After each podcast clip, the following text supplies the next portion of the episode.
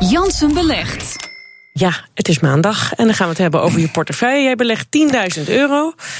Hoe gaat het? Nou, uh, dit is uh, voor het eerst dat ik eigenlijk een flinke, uh, of flink, dat ik zie dat de portefeuille toch wel over een breed front echt in het rood zit.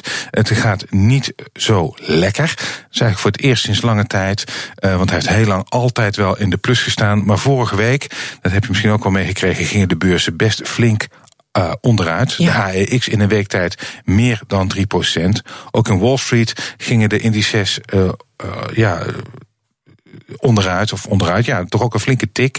Um, nou ja, daar is mijn portefeuille niet tegen bestand. En ik denk dat veel beleggers ook wel in hetzelfde schuitje zitten. Moet ik zeggen, in februari was er een wat forsere correctie. En daarna uh, herstelde de AEX en tikte Wall Street daarna ook gewoon weer records aan. Dus het is helemaal niet gezegd dat dit uh, een structurele daling is. Of dat dit nou de correctie is uh, waar iedereen al heel lang ja, op wacht. Of ja. En je bent een verstandige langetermijnbelegger, ja. dus je moet je sowieso niet gek laten maken, toch, door dit soort uh, gebeurtenissen. Dat is één. En door uh, de beperkte, of in ieder geval de enige spreiding die ik nu heb in dat uh, kleine portefeuilletje van me, uh, is het verlies ook niet heel erg groot. Dus de minnen zijn niet heel erg groot. Maar als je naar kijkt, van de hele portfolio is eigenlijk Apple de sterkste.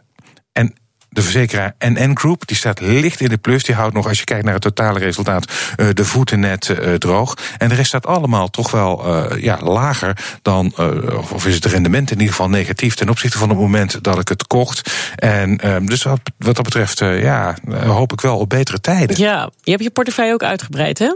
Ja.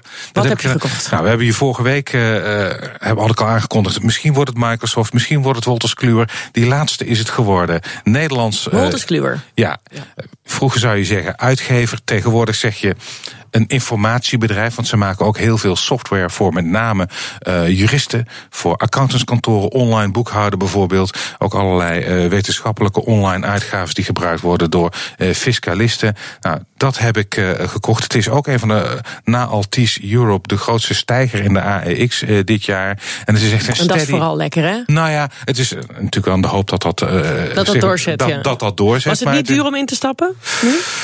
Um, nou, ik vond het als je kijkt, op zich is dividendrendement met 1,8 procent niet erg uh, groot. Maar goed, dividendrendement bij de banken begin dit jaar was heel goed. En ik heb ABN AMRO uh, in portefeuille en dat gaat niet uh, zo lekker. Dus dat zegt ook niet alles.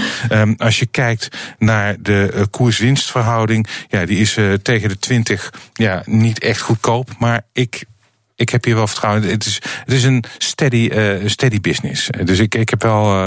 Uh, ik vind dat het eigenlijk wel aan de portefeuille thuis hoort. Vooral ook omdat je wil spreiden ook in ja. de sector. Dus ik vind het er ja. mooi in passen. Heb je nog andere bedrijven op het oog?